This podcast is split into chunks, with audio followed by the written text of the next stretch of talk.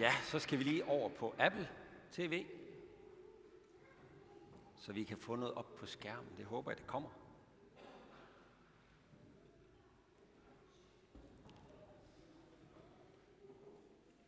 Sådan der.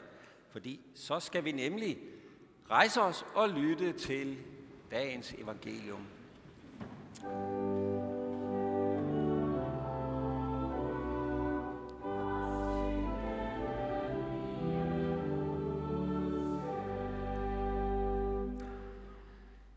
Jesus sagde, med Guds rig er det ligesom en mand, der har tilsået jorden. Han sover og står op nat og dag, og kornet spiger og vokser, uden at han ved hvordan. Af sig selv giver jorden afgrøde først strå, så aks, så fuld kerne i akset. Men når kornet er moden, går han straks i gang med sejlen, for høsten er inde. Amen. Så må I gerne sætte jer. Og se, i dag, der må vi jo ikke samle børnene heroppe foran. Så nu er vi nødt til at se, om der er nogle børn i kirken i dag, fordi de kan godt gemme sig lidt bag, bag bænkene. Så nu vil jeg gerne have, at alle børn, der ikke har trådt på noget skidt udenfor, at de lige rejser sig op og stiller sig op på bænken, så vi kan se dem. Alle børn, op og stå på bænken. Så får jeg tæsk af kirketjeneren bagefter. Det gør ikke noget. Op og stå på bænken, alle børn, så vi lige kan se, ej, hvor er det dejligt, I er med i dag. Sådan der. Yes. Prøv lige at nyde synet dem. Det er en helt prædiken i sig selv, alle de her skønne børn. Det var fint. Så må I gerne sætte jer igen, men nu skal jeg til at fortælle en historie til jer. Jeg ved ikke, kan I godt lide eventyrbørn? Der var en, der kunne lide eventyr. Okay. Det er også fint nok. Så fortæller jeg det i hvert fald for den ene, om ikke andet så. Fordi øh, vi, skal, vi skal simpelthen have fat i øh, et rigtigt eventyr. Og der skal man jo have sådan et slot der, ikke også? Og øh, det her det er et eventyr om en konge. Og øh, den her konge, han havde et fint, stort kongerige, men han vidste godt, at han jo ville jo gå, gå hen og blive lidt gammel. Så han skulle sikre sig, at, han, at en af hans sønner skulle være, være konge efter ham. Han havde tre sønner, og dem kommer vi til at møde lige om lidt. Og han vidste, at altså ja, den ældste søn, men det kunne jo godt bare være ham, men det kræver visdom og omtanke og kreativitet at være konge. Så hvordan skulle han finde ud af, om, om han skulle vælge en af de andre? Og en dag, hvor han stod og kiggede ud af vinduet, så fik han øje på et træ. Og så tænkte han, nu har jeg det. Jeg laver en konkurrence. Hvem af mine prinser kan lave det flotteste og det bedste træ? Han skal være konge. Og kongen viste, at de skulle have god tid til det. De fik uh, tre måneder. Han viste, at vigtige ting tager tid, at hastværk er lastværk. Og reglen var, at de måtte få al den hjælp, de gerne ville have. Og så skulle afgørelsen falde der i efteråret den 20. september. Ja, det er jo faktisk lige i dag. Den ældste søn, det er ham her. Han, øh, han hedder prins Geo von Knappenstreg, og man kan jo godt se, at han er lidt af en flottenheimer og pigebedårer. Han var vant til at vinde os. Han var nummer et. Og han organiserede straks alle de klogeste hoveder i riget. Dem, der kunne noget med teknik og kunst og sådan noget der. Og der var stor forventning til hans løsning. Hvad kunne han finde på? Og det han dukkede op med den øh, 20. September der, det var et utrolig flot, kunstigt træ. Kæmpestort. Og der var det helt specielle med det træ, at de havde fået det til, sådan at det kunne lyse om natten. Wow! Han havde fået virkelig sat alle de penge, han kunne, i sving for at skabe et teknisk vidunder. Og de der ugifte hofdamer i hoffet, de var sådan helt, da de så det der, åh oh, nej, åh, oh, jeg tror, jeg dårter, hvor er det smukt. Den midterste søn. Og ho, øh, nå, jeg tror, det er fra et andet eventyr. Den der, er, den hører vist ikke hjemme her, gør den det? Jeg tror lige, det, der, der har vi den rigtige. Den midterste søn, han hed prins Egon von Knappernap. Han var sådan lidt mere en praktisk øh, person. Han var lidt mere nøgteren og sådan. Øh, ja, og han sagde, jeg er sikker på, at øh, min far vil øh, sætte pris på, at det ikke bliver for dyrt og øh, ja, han vidste også, at hans far var glad for jul. Så han tænkte, ah, jeg skal lave et juletræ. Hold det simpelt, økologisk, effektivt, og så må det jo ikke svine.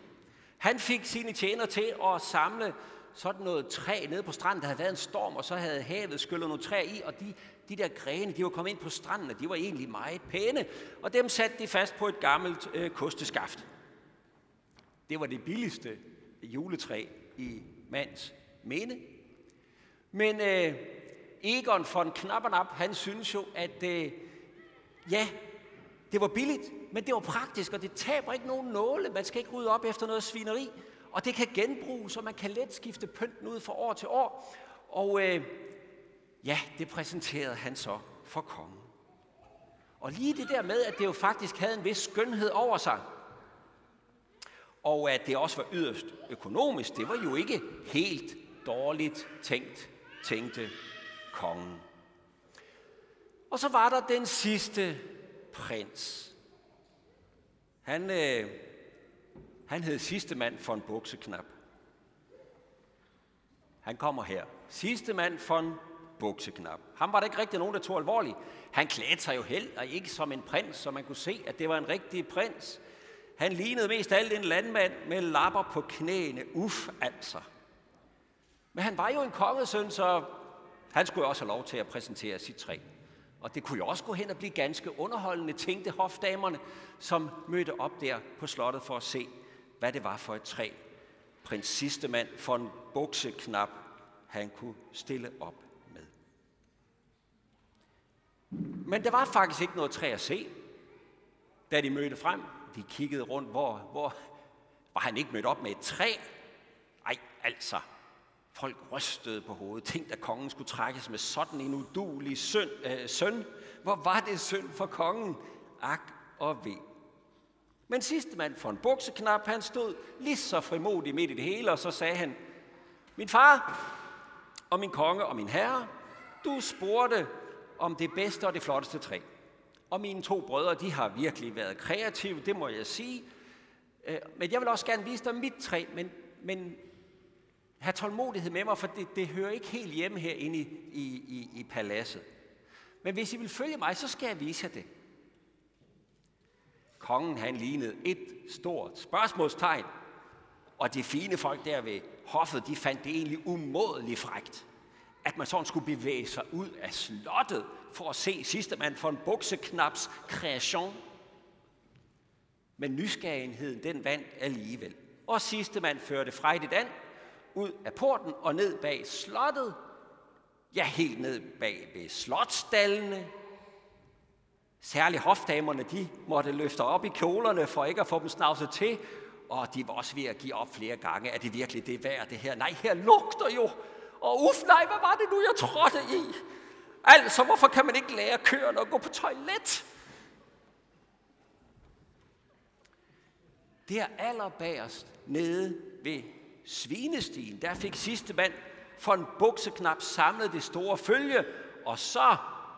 Øh, hov, nej, det, det, det vidste også fra en forkert, øh, et forkert eventyr. Det, det beklager jeg. Der er ikke nogen, der kysser nogen i den her lignelse. Det er vel bare lige uh, lige uh, i det her eventyr. Ja, så væk med det. Nej, det, det, det, det, øh, det var det her billede her. Det, de så dernede, allerbagerst, Ja, det var det her træ. Og folk lige stod bare og kiggede. Og så sagde sidste mand for en bukseknap det her til sit store følge, der var der omkring træet. Jeg ved godt, kære konge, at deres majestæt bad os om at lave et træ.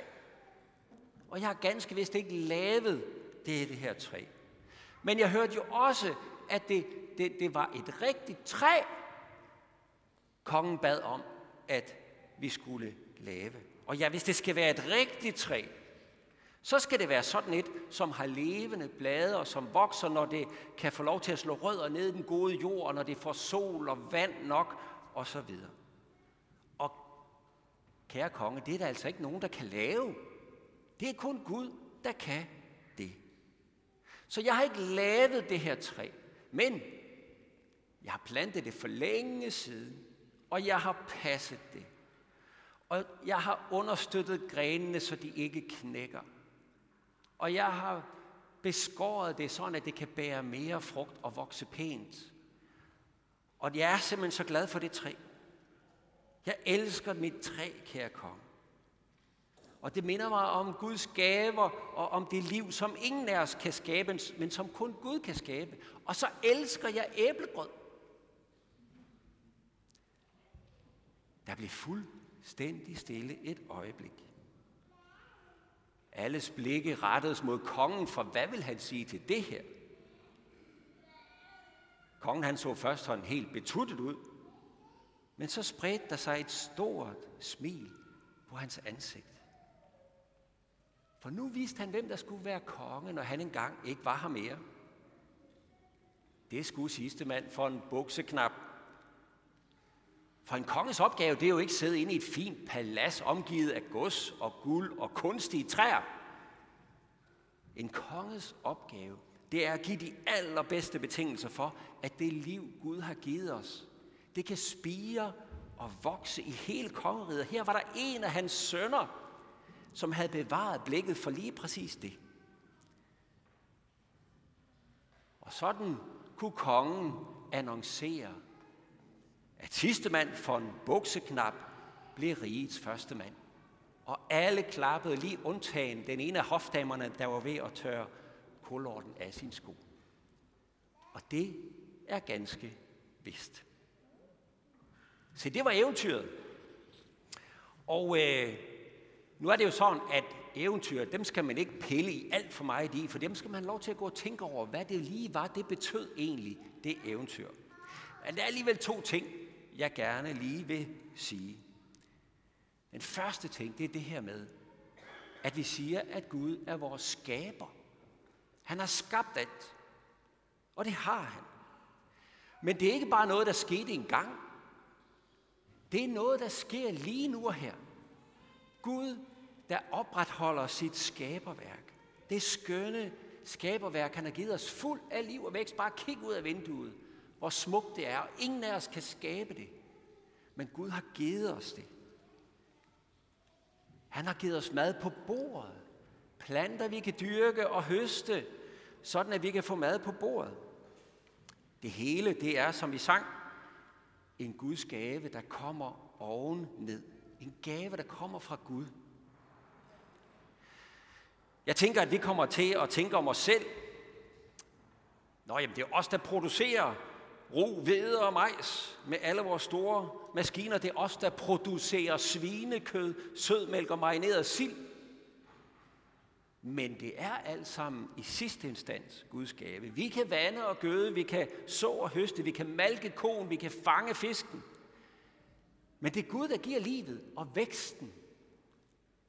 Og det siger vi Gud tak for. Det gør vi hver eneste dag, men særligt i dag, når vi har høstfest, takker Gud for det daglige brød. Og det andet, ja, det er sådan set det samme, bare fra den modsatte side, eller fra en anden vinkel. Fordi sagen er, at vi kommer til at tage det for givet alt for let. I den forstand, at vi tager det hele som en selvfølge. Dyrene, planterne, den skønne natur, det daglige brød, som noget, der bare er her. Når vi gør det, så bliver vi utaknemmelige og grådige og utilfredse. Og vi passer ikke godt på tingene, for de er her jo bare. Naturen, det billige skidt. I stedet for, så skal vi lære at tage det hele for givet. I bogstavelig forstand. For givet. Som noget, der er en gave, Gud har givet os, for at vi skulle glæde os over det og passe godt på det. Når vi får øje på livet, og alt, hvad vi ejer har som en gave, så får det en helt anden værdi. Det, jeg har modtaget som en gave, det vokser det bliver større end bare selve den gave, jeg har fået. Så er det et tegn på giverens kærlighed. Når vi tager naturen, alt det vi får af mad på bordet, alle Guds gode gaver, når vi tager det som en gave, forgivet til os af Gud, ja, så bliver det noget, vi må tage rigtig godt vare på. Noget, der får en helt exceptionel værdi, og noget, vi siger tak for. Og her vil jeg måske gerne sige noget, særligt til de voksne også, til allersidst. For det med, at vi tager skaberværket selvfølgeligt, selvfølgelig spiger det hele bare gror. Selvfølgelig gør det det. Og selvfølgelig er det os, der kontrollerer det hele og får det til at ske med vores maskiner osv. Den selvfølgelighed, den fokus på det, vi selv kan kontrollere, det vi kan bidrage med, den fører vi også lidt over på det åndelige område, det der har med Gud at gøre. Se, i den lignelse, vi hørte før, der er det jo faktisk Guds rige, det her skaberværk er et billede på. Det, at det gror af sig selv, siger Jesus. Det er et billede på, hvordan det er Guds rige. Vi sår og vi høster, ja. Men i Guds rige er det også sådan, at det hele kommer, fordi Gud lader det ske. Og ikke fordi vi kan kontrollere det. Og det var derfor, vi skulle læse fra Jakobs brev, kapitel 1. Alle gode og fuldkommende gaver kommer ned fra oven, fra lysenes far, hos hvem der ikke findes forandring eller skiftende skygge. Efter sin vilje fødte han os ved sandhedens ord til at være en første grøde af hans skabninger. Det åndelige liv, troen, håbet, Guds kærligheden, den personlige vækst i tro, det er også en gave fra Gud, der kommer fuldstændig ovenfra og ned. Det er ikke noget, vi selv kan producere. Det er ikke noget, vi kan tage os selv. Vi kan vande og gøde, vi kan søge hen, hvor Guds ord lyder, vi kan søge Gud, men det er Gud, der giver livet og væksten. Vi er Guds første grød. Vi er som et korn, Gud har plantet for, at det skal spire og vokse i hans rige og bære frugt. Når jeg tager det frem, så er det fordi, det har været utrolig vigtigt for mig selv i mit kristenliv at få det her på plads. At det ikke er mig, prins Knappenstreg, eller prins Knappernap, det handler om. Men det er den vækst, Gud giver. Det er også fuldstændig en hjørnesten i min tjeneste som præst. Jo, jeg er kaldet til at så og vande og gøde, men væksten og frugten er Guds. Alt, hvad der, må, hvor der måtte vokse frem er godt. Det er hans. Og hvis ikke det var for ham, så blev der ikke noget af det. Så det sætter mig fri til at gøre det så godt jeg kan, og så ellers vente og se, hvordan det Gud selv har sået, det spiger og vokser på de mest overraskende steder. Til liv og til glæde, til en ny begyndelse, til tro, håb og kærlighed. Og det vil jeg slutte med at trække nogle vers frem, som siger det her på en anden vinkel.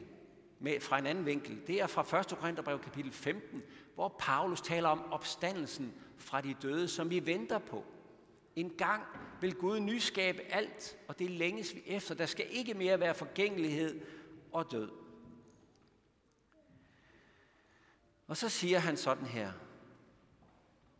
Døden er opslugt og besejret. Død, hvor er din sejr? Død, hvor er din brød? Dødens brød er synden, og syndens kraft er loven. Men Gud skal tak, som giver os sejren ved vor Herre Jesus Kristus. Gud skal tak. Døden er besejret. Så kunne han jo have sluttet med det. Med den lovprisning. Men han har en lille eftersætning, som jeg elsker. Han siger sådan her. Derfor, mine kære brødre, stå urokkeligt fast og giv jer helt hen i arbejdet for Herren. I ved jo, at deres slid ikke er spildt i Herren. Skabelsen foregår ikke kun i fortiden, men nu og her. Og nyskabelsen, vi venter på, opstandelsen, foregår ikke kun i fremtiden, men den foregår også nu og her. Der, hvor Guds ord bliver plantet i menneskehjerter. Guds kærlighed bliver plantet i menneskehjerter. Og derfor ved vi, at vores arbejde i kirken ikke er spildt. Guds opstandelseskraft er til stede i det og skaber liv er døde. For alle gode gaver, de kommer oven ned. Vi vil rejse os, og så vil vi tilønske hinanden lige præcis Guds kærlighed og nærhed og gave lige midt i vores liv.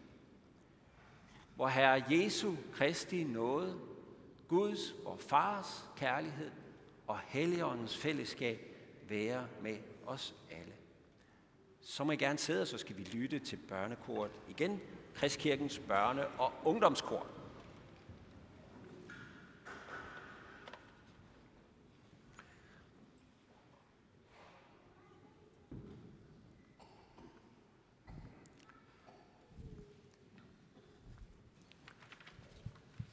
Du må gerne blive på Apple TV, øh, hvis ikke du skal over, Jan. Skal du det? Det er fint nok.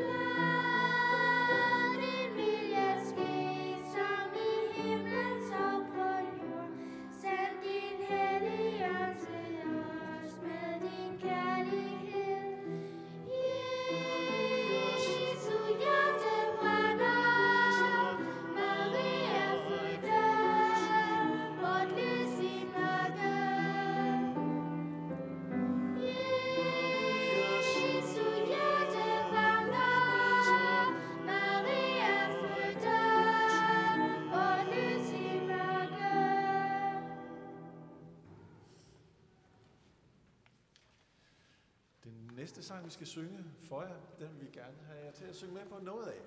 Og der kommer et omkvæd efter hver vers. Der er tre vers. Og omkvædet lyder sådan her. Høstfest, høstfest, høsten er i hus. Den sætning kommer to gange. Og nu synger vi lige øh, denne lille melodi for jer to gange, og så skal I lige øve jer lidt, inden vi eller, eller synger sang.